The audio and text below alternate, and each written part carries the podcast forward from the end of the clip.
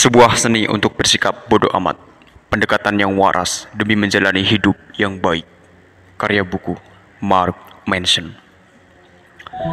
Bab 7. Kegagalan adalah jalan untuk maju. Saya mengatakan ini dengan sungguh-sungguh. Saya beruntung. Saya lulus perguruan tinggi pada 2007 bersamaan dengan jatuhnya keuangan Amerika dan resesi besar dan berusaha masuk ke dalam bursa kerja yang paling mengerikan selama 80 tahun terakhir. Sekitar masa itu, saya mendapati bahwa seseorang yang menyewa salah satu kamar di apartemen saya belum membayar sewa selama tiga bulan.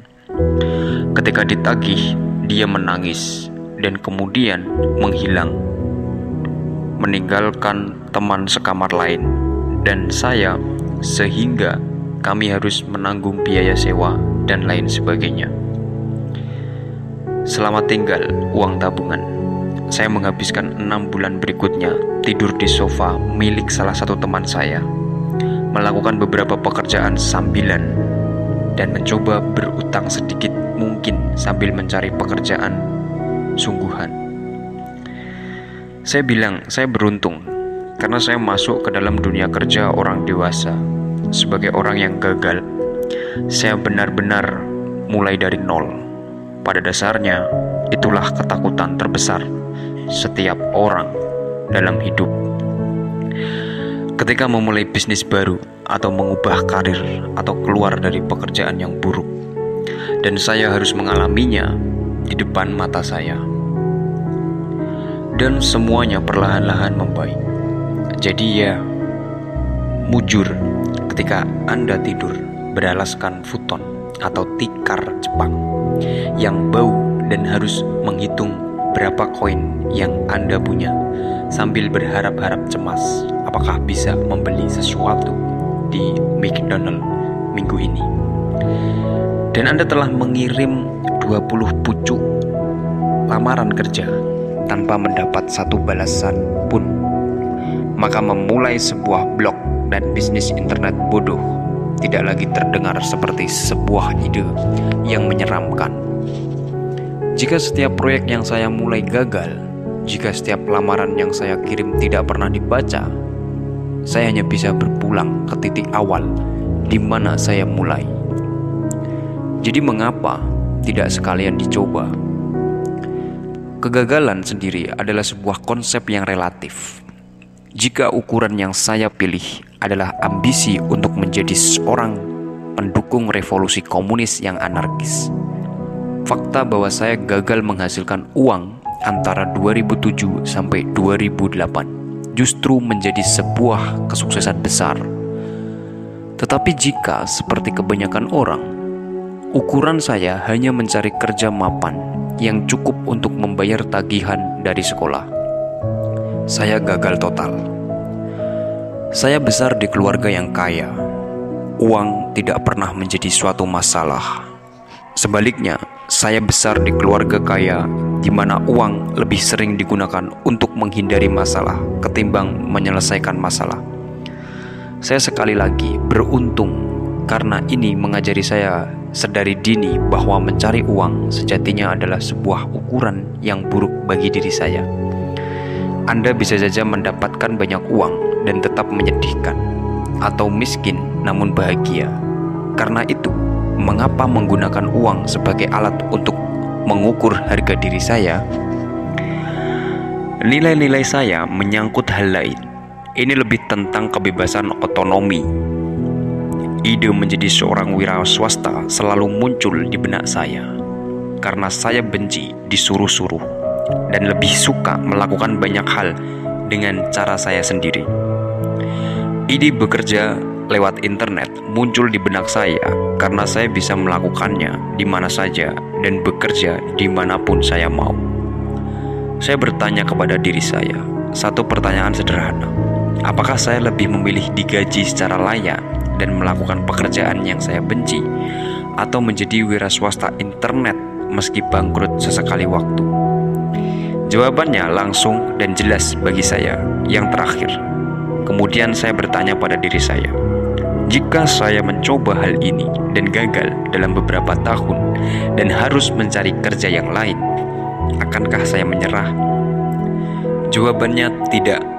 Ketimbang menjadi pemuda pengangguran berusia 22 tahun yang bokek dan tidak punya pengalaman kerja, saya lebih memilih menjadi pemuda pengangguran berusia 25 tahun yang bokek dan tidak punya pengalaman kerja. Peduli setan. Dengan nilai ini, saya disebut gagal jika saya tidak mengerjakan proyek pribadi tersebut. Yang dimaksud kegagalan bukanlah kekurangan uang, tidur di sofa teman dan keluarga, atau yang terus saya lakukan hampir dua tahun berikutnya, dan bukan sebuah resum kosong. Paradoks kegagalan atau kesuksesan. Ketika Pablo Picasso menginjak usia lanjut, dia sedang duduk-duduk di sebuah kafe di Spanyol sambil mencoret-coret selembar tisu bekas. Dia adalah orang yang cuek mengenai segala hal, menggambar apa pun yang membuatnya terkesima pada saat itu. Agak mirip dengan remaja laki-laki yang doyan iseng menggambar penis di sekat kamar mandi. Tentu karena ini Picasso. Penis itu akan digambar dengan gaya kubisme atau impresionisme yang memukau, yang dicampur noda kopi yang samar-samar. Kembali ke pembicaraan awal tadi. Seorang wanita yang duduk di dekatnya memandanginya dengan kagum. Tidak lama kemudian, Picasso menghabiskan kopinya dan meremas tisu tersebut dan hendak membuangnya saat akan meninggalkan tempat itu. Wanita tadi menghentikannya. "Tunggu," katanya. "Boleh kan saya meminta tisu yang barusan Anda gambari? Saya akan bayar." "Tentu," jawab Picasso. "20 ribu dolar." Wanita itu kaget. Kepalanya tersentak ke belakang seakan-akan terkena lemparan batu bata. "Apa?" Anda hanya perlu sekitar dua menit menggambar itu. Tidak, Nyonya, balas Picasso. Saya perlu lebih dari 60 tahun menggambar ini. Dia memasukkan tisu tersebut dalam kantungnya dan pergi meninggalkan kafe. Perbaikan dalam segala bidang dilatar belakangi oleh ribuan kesalahan kecil dan besarnya kesuksesan Anda berdasar pada berapa kali Anda gagal melakukan sesuatu. Jika seseorang lebih baik daripada Anda mengenai sesuatu hal, sepertinya itu karena dia telah mengalami kegagalan lebih banyak daripada Anda. Jika seseorang lebih buruk dari Anda, sepertinya itu karena dia belum mengalami semua pengalaman belajar yang menyakitkan seperti yang Anda rasakan. Coba bayangkan, seorang anak kecil yang sedang belajar berjalan.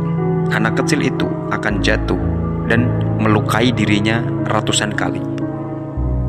Namun, tidak pernah sedikit pun anak itu berhenti dan berpikir, "Oh, saya rasa berjalan bukan bidang saya. Saya tidak mahir melakukannya." Menghindari kegagalan adalah sesuatu yang kita pelajari nantinya dalam kehidupan kita. Saya yakin itu banyak disumbang oleh sistem pendidikan kita yang menilai dengan ketat berdasarkan kinerja dan menghukum mereka yang tidak menunjukkan performa yang baik.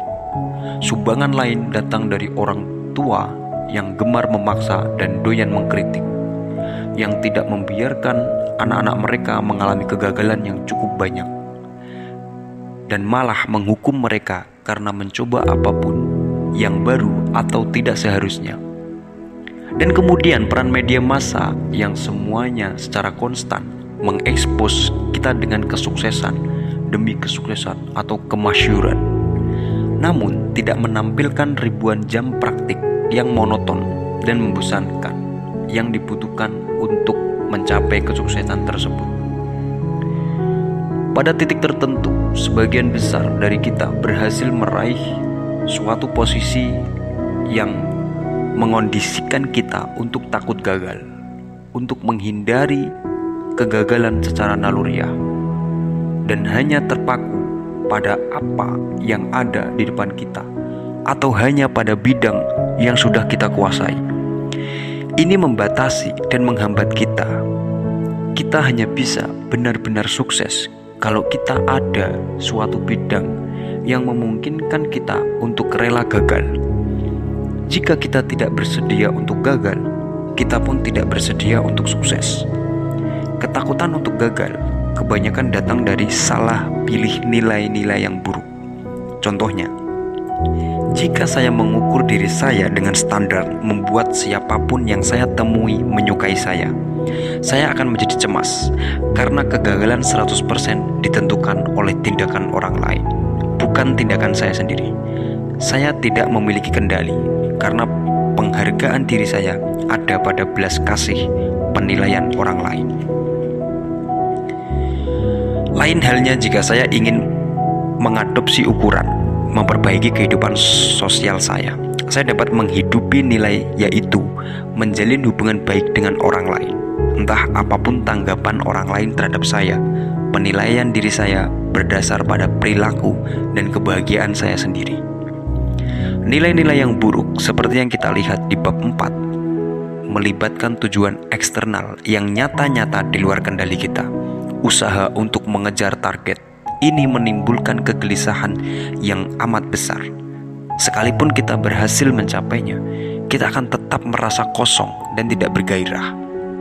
Karena begitu nilai tersebut diraih, tidak ada lagi masalah yang harus diselesaikan. Nilai-nilai yang lebih baik, sebagaimana yang kita lihat, berorientasi pada proses, misalnya sebuah ukuran mengungkapkan diri saya secara jujur kepada orang lain untuk nilai kejujuran tidak pernah sepenuhnya selesai. Ini adalah sebuah permasalahan yang harus terus diangkat kembali. Setiap pembicaraan yang baru, setiap hubungan yang baru membawa tantangan dan kesempatan yang baru untuk mengekspresikan diri secara jujur. Nilai hidup ini merupakan proses yang terus berlangsung seumur hidup tidak akan pernah selesai. Jika ukuran dari nilai sukses dengan standar duniawi adalah membeli rumah dan mobil bagus dan Anda menghabiskan 20 tahun bekerja keras untuk mewujudkannya, begitu ini berhasil diraih, ukuran tadi tidak ada artinya lagi. Maka sampaikan hello kepada krisis paruh baya Anda. Karena masalah yang mendorong Anda hampir sepanjang kehidupan dewasa Anda baru saja diangkat dari pundak Anda. Tidak ada peluang lain untuk tetap bertumbuh dan memperbaiki diri.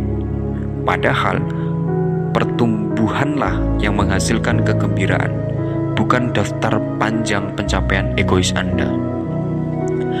Dalam hal ini, tujuan sebagaimana didefinisikan secara konvensional, lulus kuliah, membeli rumah di tepi danau, menurunkan berat 6 kg sangat terbatas dalam hal jumlah kebahagiaan yang dapat diraih dalam hidup kita.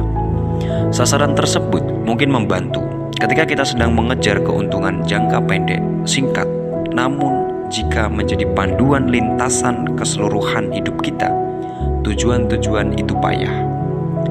Picasso tetap produktif sepanjang hidupnya.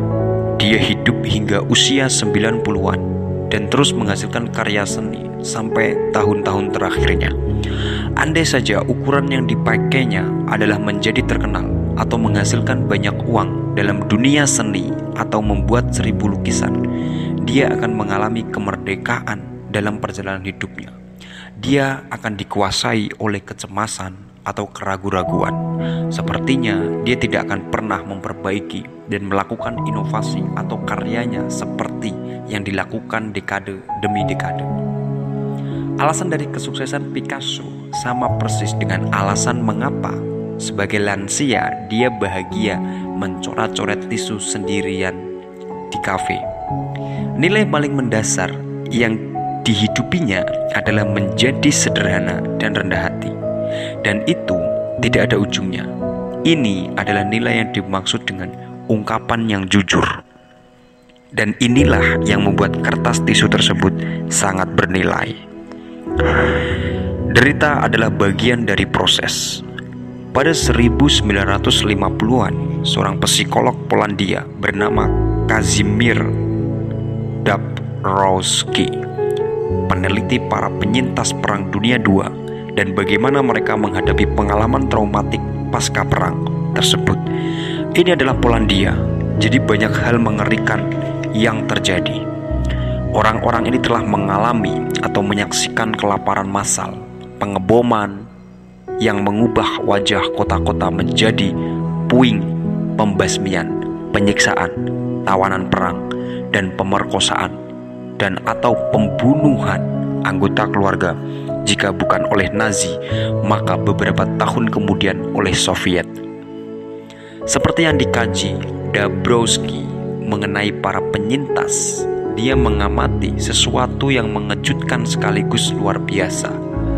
Persentase yang cukup besar dari antara mereka meyakini kalau derita dari pengalaman di masa perang meskipun menyakitkan dan tentu saja membuat trauma sebenarnya telah membuat mereka menjadi lebih baik, lebih bertanggung jawab dan ya bahkan menjadi orang-orang yang lebih bahagia. Banyak orang menggambarkan hidup mereka sebelum perang sebagai orang yang sangat berbeda, kurang bersyukur dan tidak menghargai orang-orang yang mereka cintai, malas-malasan dan ditelan masalah remeh, menyia-nyiakan apa yang telah mereka terima pasca perang. Mereka merasa lebih percaya diri, lebih yakin pada diri mereka sendiri, lebih bersyukur dan tidak dirisaukan dengan hal sepele dan kerikil kecil dalam hidup. Jelas, pengalaman yang mereka lalui mengerikan, dan para penyintas ini tidak bahagia sama sekali. Dengan itu, banyak dari antara mereka masih menderita akibat parut luka emosional dari perang yang terus-menerus tersebut. Tetapi beberapa dari antara mereka berhasil memanfaatkan luka tersebut untuk mengubah diri mereka dengan cara yang positif dan kuat. Dan mereka tidak sendiri dalam pembalikan tersebut. Bagi sebagian dari kita, pencapaian yang paling membanggakan muncul dalam wajah kemalangan yang amat besar. Luka kita sering membuat kita semakin kuat, lebih tangguh, lebih membumi. Banyak penyintas kanker sebagai contoh yang melaporkan kalau mereka merasa lebih kuat dan lebih bersyukur setelah berhasil memenangkan perjuangan untuk bertahan hidup. Banyak personil militer bersaksi tentang ketangguhan mental yang diperoleh dari bertahan di lingkungan yang berbahaya seperti zona perang. Dabrowski berpendapat bahwa rasa takut dan kecemasan serta kesedihan tidak selalu menjadi kondisi mental yang tidak diinginkan atau tidak membantu, melainkan itu sering mewakili derita yang selayaknya kita butuhkan demi perkembangan jiwa kita. Dan menyangkal luka itu sama dengan menyangkal potensi kita sendiri. Seperti halnya seseorang yang mengalami rasa sakit fisik untuk membentuk tulang dan otot yang lebih kuat. Seseorang harus mengalami sakit emosional untuk mengembangkan ketangguhan emosional yang lebih besar, rasa percaya diri yang lebih kuat, belas kasih yang meningkat, dan secara umum hidup lebih bahagia. Perubahan perspektif kita yang paling radikal kadang terjadi pada ekor. Suatu momen yang paling buruk hanya pada saat kita mengalami rasa sakit yang intens. Kita bersedia menimbang nilai-nilai yang kita miliki dan bertanya mengapa nilai tersebut seakan membuat kita gagal. Kita membutuhkan semacam krisis eksistensial yang memaksa kita untuk melihat secara objektif bagaimana kita telah mendapatkan makna dalam hidup kita, lalu mempertimbangkan untuk mengubah arah. Anda boleh menyebut ini pengalaman ambang batas atau mengalami sebuah krisis eksistensial namun saya lebih suka menyebutnya menebus badai. Pilih saja yang cocok untuk Anda. Dan mungkin sekarang ini Anda sedang berada dalam posisi tersebut. Mungkin Anda sedang menghadapi tantangan yang paling signifikan dalam hidup Anda dan limbung karena semua yang sebelumnya Anda pikir benar dan normal serta baik telah berubah menjadi sebaliknya. Tidak apa-apa itu bagus, itu permulaannya. Saya sungguh ingin menekankan sekali lagi bahwasanya derita adalah bagian dari proses. Penting untuk merasakannya karena jika Anda hanya mengejar kesenangan di atas rasa sakit, jika Anda membiarkan diri terlena dalam kepongahan dan pemikiran positif yang delusional, jika Anda terus memanjakan diri dalam berbagai hal atau kegiatan, Anda tidak akan pernah menemukan motivasi yang menjadi syarat untuk benar-benar berubah. Ketika saya muda, setiap kali keluarga saya memiliki visi R atau stereo baru, saya akan menekan setiap tombol, mencolokkan dan mencabut setiap sambungan dan kabel, hanya untuk melihat segala sesuatu bekerja. Dengan berjalannya waktu, saya belajar bagaimana seluruh sistem bekerja. Dan karena saya tahu bagaimana semua itu bekerja, saya sering menjadi satu-satunya orang yang menggunakan alat tersebut. Seperti halnya yang dialami oleh anak-anak generasi milenial di zaman ini. Orang tua saya melihat seakan-akan saya adalah semacam anak jenius bagi mereka. Fakta bahwa saya mampu memprogram VCR tanpa melihat buku panduan membuat saya menjadi Tesla yang terlahir kembali. Mudah sekali untuk melihat ke zaman dulu, zaman generasi orang tua saya, lalu menertawakan fobia teknologi mereka. Namun, semakin saya dewasa, semakin saya sadari bahwa kita semua memiliki fase kehidupan yang menyerupai reaksi orang tua saya terhadap VCR baru itu. Kami duduk terpukau serta mengelus dahi kita sambil berkata, "Tapi bagaimana cara melakukan hal itu?" Padahal caranya sangat gampang. Saya menerima surel dari orang-orang yang menanyakan hal macam ini sepanjang waktu dan bertahun-tahun saya tidak pernah tahu apa yang harus saya katakan kepada mereka. Ada seorang gadis yang orang tuanya imigran dan menampung selama seluruh hidup mereka untuk menyekolahkannya hingga masuk sekolah kedokteran. Tetapi sekarang dia duduk di sekolah kedokteran dan membencinya. Dia tidak ingin menghabiskan hidupnya sebagai dokter. Jadi dia sungguh ingin berhenti kuliah. Namun dia merasa terjebak sehingga pada akhirnya dia mengirim surat elektronik kepada orang asing di internet atau saya dan menanyakan sebuah pertanyaan konyol namun jelas seperti bagaimana saya berhenti dari sekolah kedokteran atau seorang mahasiswa yang jatuh cinta kepada dosennya akibatnya dia tersiksa dengan setiap tanda. Tawa, senyuman, lanturan hingga basa-basi. Dan mengirim saya surel yang mirip novela sepanjang 28 halaman yang ditutup dengan pertanyaan bagaimana caranya agar dia mau diajak kencan atau orang tua tunggal ibu yang sekarang anak-anaknya sudah lulus sekolah namun masih bermalas-malasan di sofanya makan makanannya menghabiskan uangnya tidak menghargai ruang atau keinginan si ibu untuk mendapatkan privasi. Dia ingin mereka hidup sendiri. Dia ingin melanjutkan hidupnya sendiri. Dia saat yang sama dia takut setengah mati meminta anak-anaknya untuk pindah. Sedemikian rupa hingga pada pertanyaan bagaimana cara meminta mereka pindah. Ini adalah jenis pertanyaan VCR. Bagi kita yang berada di luar jawabannya mudah, berhenti mengoceh dan segera lakukan. Namun dari dalam, dari sudut pandang masing-masing orang yang mengalaminya, pertanyaan itu terasa mustahil, rumit, dan buram seperti teka-teki eksistensial yang dibungkus dengan enigma dan dimuat di dalam satu ember KFC yang penuh dengan kubu Rubik. Pertanyaan VCR ini lucu karena jawabannya terlihat sulit bagi siapa pun yang mengalaminya dan tampak mudah bagi siapa pun yang tidak mengalaminya. Masalahnya di sini adalah rasa sakit. Mengisi berkas pengunduran diri dari sekolah kedokteran jelas merupakan langkah yang langsung tepat sasaran. Sedangkan melukai hati orang tua, Anda adalah perkara lain. Mengajak dosen untuk berkencan sederhana mengutarakan ajakan tersebut. Resiko menerima rasa malu yang mendalam dan penolakan terasa jauh lebih rumit. Meminta seseorang untuk keluar dari rumah Anda adalah sebuah keputusan yang jelas. Perasaan bahwa Anda menelantarkan anak sendiri akan lain sama sekali.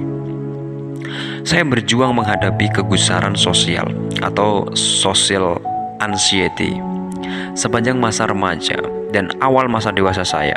Saya menghabiskan hampir seluruh hari-hari saya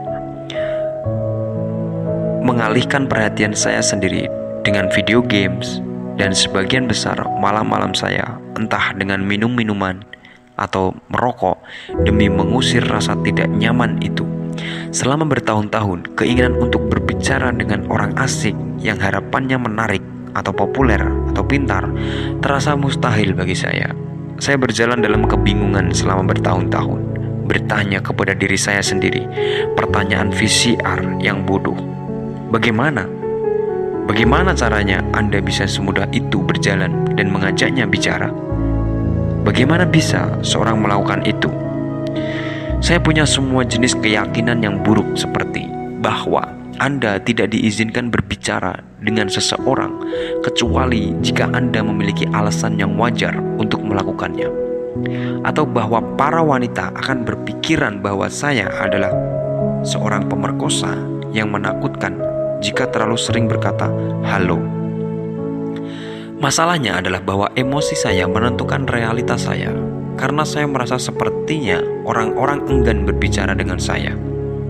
Saya mulai meyakini bahwa orang-orang memang tidak mau saya ajak bicara, dan karena itu, pertanyaan VCR saya bagaimana saya bisa langsung menghampiri seseorang dan mengajaknya berbicara karena saya gagal memisahkan apa yang saya rasakan dengan apa yang sesungguhnya ada. Saya menjadi tidak mampu melangkah keluar dari diri saya dan memandang dunia sebagaimana adanya. Sebuah tempat yang sederhana di mana dua orang bisa bertemu kapan saja dan saling bicara.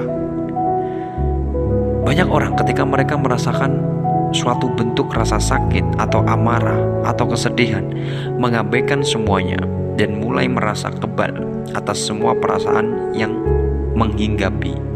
Sasaran mereka adalah untuk secepat mungkin merasa baik kembali, bahkan jika itu berarti mengubah atau menipu diri mereka sendiri atau kembali ke nilai mereka yang buruk.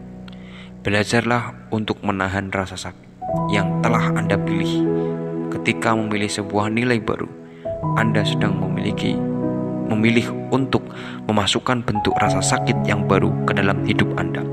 Rasakan, nikmati, terima dengan tangan terbuka. Kemudian lakukanlah. Saya tidak berbohong, ini akan terasa tidak mungkin pada awalnya, tapi Anda dapat memulainya dengan hal yang sederhana. Anda akan merasa seakan-akan Anda tidak tahu apa yang harus Anda lakukan. Namun, kita telah membahas hal ini. Anda tidak tahu apa pun. Bahkan ketika Anda pikir Anda tahu, Anda benar-benar tidak tahu apa yang akan Anda lakukan. Jadi sungguh tidak ada ruginya, kan? Hidup adalah tentang tidak mengetahui apa pun dan kehidupan, kemudian melakukan sesuatu. Apa pun yang terjadi, segala hal dalam kehidupan berlaku seperti ini, tidak pernah berubah. Bahkan saat Anda bahagia, bahkan ketika Anda kentut bubuk peri sekalipun, bahkan saat Anda memenangkan lotre dan membeli satu armada kecil jet sky, Anda masih tidak tahu apa pun yang sedang Anda lakukan. Jangan pernah lupakan itu dan jangan pernah takut akan hal itu prinsip lakukan sesuatu. Pada 2008, setelah bekerja seharian penuh selama enam minggu, saya keluar dari pekerjaan saya dan memulai suatu bisnis online. Pada saat itu, saya benar-benar buta akan apa yang akan saya kerjakan. Tetapi saya tahu, andai kata saya bangkrut dan berakhir menyedihkan, setidaknya saya bekerja sesuai keinginan saya. Dan ketika itu, yang saya pedulikan hanya mengejar-ngejar wanita jadi persetan, saya memutuskan untuk memulai sebuah blog tentang kehidupan kencan gila saya. Pagi itu, begitu saya bangun tidur, sebagai seorang wira swasta, saya segera disergap rasa ngeri.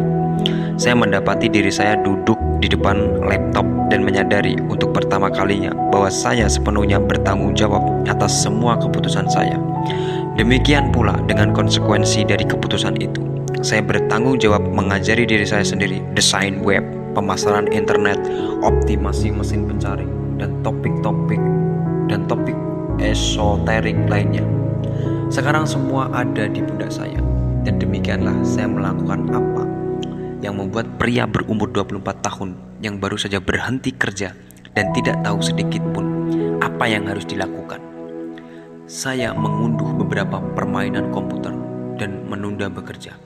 Rasanya seperti terjangkit virus Ebola.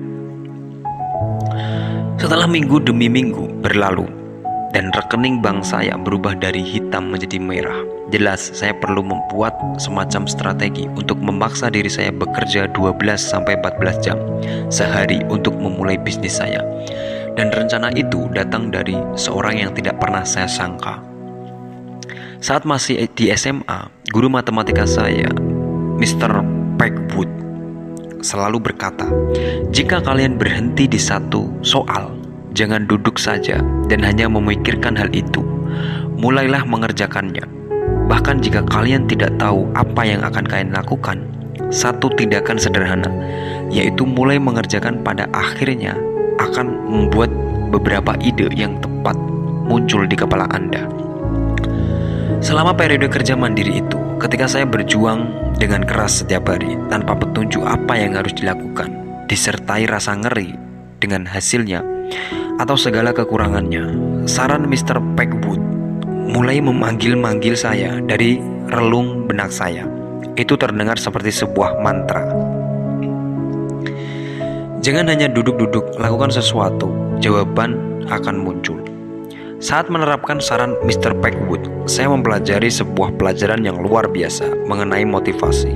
Perlu 8 tahun hingga pelajaran ini benar-benar tercerna. Namun dari apa yang saya temukan selama jangka waktu itu, bulan-bulan yang melelahkan meluncurkan produk kolom saran yang mengundang tawa malam malam yang tidak nyaman di atas sofa teman saya rekening bank yang mulai minus, dan ratusan hingga ribuan kata yang telah ditulis atau sebagian besar tidak pernah dibaca, mungkin menjadi hal yang paling penting yang telah saya pelajari dalam hidup saya. Tidakkah bukan hanya efek dari suatu motivasi, ini juga menjadi penyebab suatu motivasi. Sebagian besar dari antara kita mengambil suatu tindakan setelah kita merasakan tingkat motivasi tertentu, dan kita merasakan sesuatu motivasi hanya ketika kita merasakan inspirasi emosional yang cukup. Kita bisa asumsikan langkah-langkah tersebut terjadi dalam semacam rantai reaksi singkat seperti ini. Inspirasi emosional. Inspirasi emosional. Uh, motivasi seret aksi yang diinginkan. Jika Anda ingin menuntaskan sesuatu namun merasa tidak termotivasi atau terinspirasi, maka Anda berasumsi kalau diri Anda payah. Tidak ada yang bisa Anda lakukan mengenai hal ini. Tidak hingga satu peristiwa besar terjadi. Hingga satu peristiwa besar terjadi, lalu Anda berhasil mengumpulkan motivasi yang untuk bangkit dari sofa dan melakukan sesuatu. Sejatinya, motivasi bukan saja reaksi tiga rantai, namun lingkaran setan. Inspirasi, seret motivasi, seret aksi, seret inspirasi, seret motivasi, aksi, dan lain sebagainya. Dan lain seterusnya Aksi atau tindakan Anda menciptakan reaksi dan inspirasi emosional yang lebih jauh dan terus berlanjut untuk memotivasi aksi berikutnya. Dengan memanfaatkan pemahaman ini, kita sebenarnya dapat mengubah ulang orientasi pola pikir kita dengan cara berikut. Aksi, seret inspirasi, seret motivasi. Jika Anda kurang motivasi untuk membuat suatu perubahan dalam hidup Anda, lakukan sesuatu, apa pun itu, sungguh kemudian memanfaatkan reaksi dari aksi tersebut sebagai cara untuk mulai memotivasi diri Anda sendiri. Saya menyebut ini prinsip lakukan sesuatu. Setelah menerapkan ini pada diri saya sendiri untuk membangun bisnis saya, saya mulai mengajarkan kepada para pembaca yang datang kepada saya karena kebingung, kebingungan dengan pertanyaan VCR mereka sendiri. Bagaimana melamar suatu pekerjaan? Atau bagaimana mengatakan kepada laki-laki itu kalau saya ingin menjadi pacarnya dan semacam itu. Dalam dua tahun pertama, saya menerapkan ini untuk diri saya sendiri. Minggu-minggu berlalu tanpa banyak pencapaian, tidak lain karena saya cemas dan stres mengenai apa yang harus saya lakukan, dan terlalu mudah untuk menunda semuanya. Meskipun demikian, saya cepat belajar bahwa memaksa diri saya untuk melakukan sesuatu, bahkan pekerjaan yang paling rendah, dengan cepat membuat pekerjaan yang lebih besar terlihat lebih mudah. Jika saya harus mendesain ulang seluruh situs web, saya akan memaksa diri saya untuk duduk dan berkata, "Oke, okay, saya hanya akan mendesain headernya sekarang." Namun setelah header selesai, saya mendapati diri saya beranjak ke bagian situs yang lain. Dan sebelum saya menyadarinya, saya akan merasa berenergi dan terlihat dalam proyek tersebut. Pengarang tim Ferris menghubungkan sebuah kisah yang pernah didengarnya mengenai seorang novelis yang telah menulis lebih dari 70 novel. Seseorang bertanya kepada sang novelis, bagaimana dia mampu menulis secara konsisten dan tetap terinspirasi serta termotivasi. Dia menjawab, 200 kata yang kacau parah setiap hari cuma itu. Idenya adalah bahwa jika dia memaksa dirinya sendiri untuk menulis 200 kata yang buruk sekalipun, itu akan lebih menginspirasinya untuk menulis. Dan sebelum dia menyadarinya, dia telah menulis ribuan kata dalam satu halaman. Jika kita mengikuti prinsip lakukan sesuatu, kegagalan terasa tidak penting Ketika standar kesuksesan hanya melakukan sesuatu, ketika setiap hasil dianggap sebagai sebuah kemajuan dan penting, inspirasi dilihat sebagai sebuah imbalan ketimbang suatu persyaratan. Kita mendorong diri kita lebih maju. Kita merasa bebas untuk gagal, dan kegagalan itulah yang menggerakkan kita ke depan. Prinsip lakukan sesuatu bukan hanya membantu kita saat kita tergoda untuk menunda suatu pekerjaan. Namun ini juga menjadi bagian dari proses mengadopsi nilai-nilai baru. Jika Anda ada di tengah-tengah badai eksistensial dan segalanya terasa tak berarti, jika semua cara yang Anda gunakan untuk mengukur diri Anda sudah hampir habis dan Anda masih tidak punya bayangan apa yang akan terjadi kemudian, jika Anda menyadari kalau Anda terlalu melukai diri Anda sendiri dengan mengejar mimpi palsu.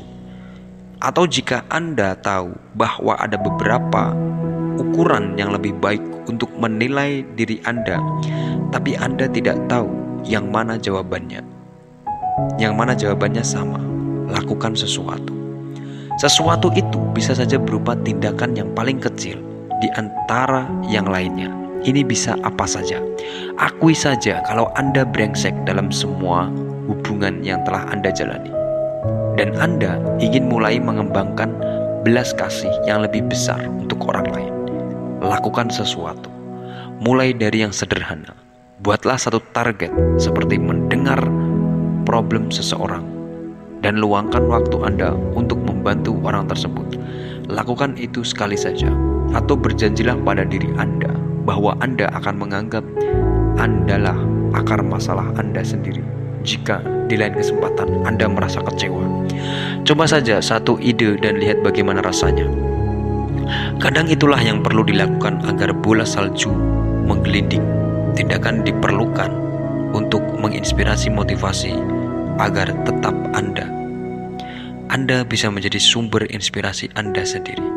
tindakan selalu ada dalam jangkauan Anda dan cukup dengan menggunakan ukuran melakukan sesuatu untuk menilai kesuksesan Anda, maka kegagalan pun akan mendorong Anda maju ke depan.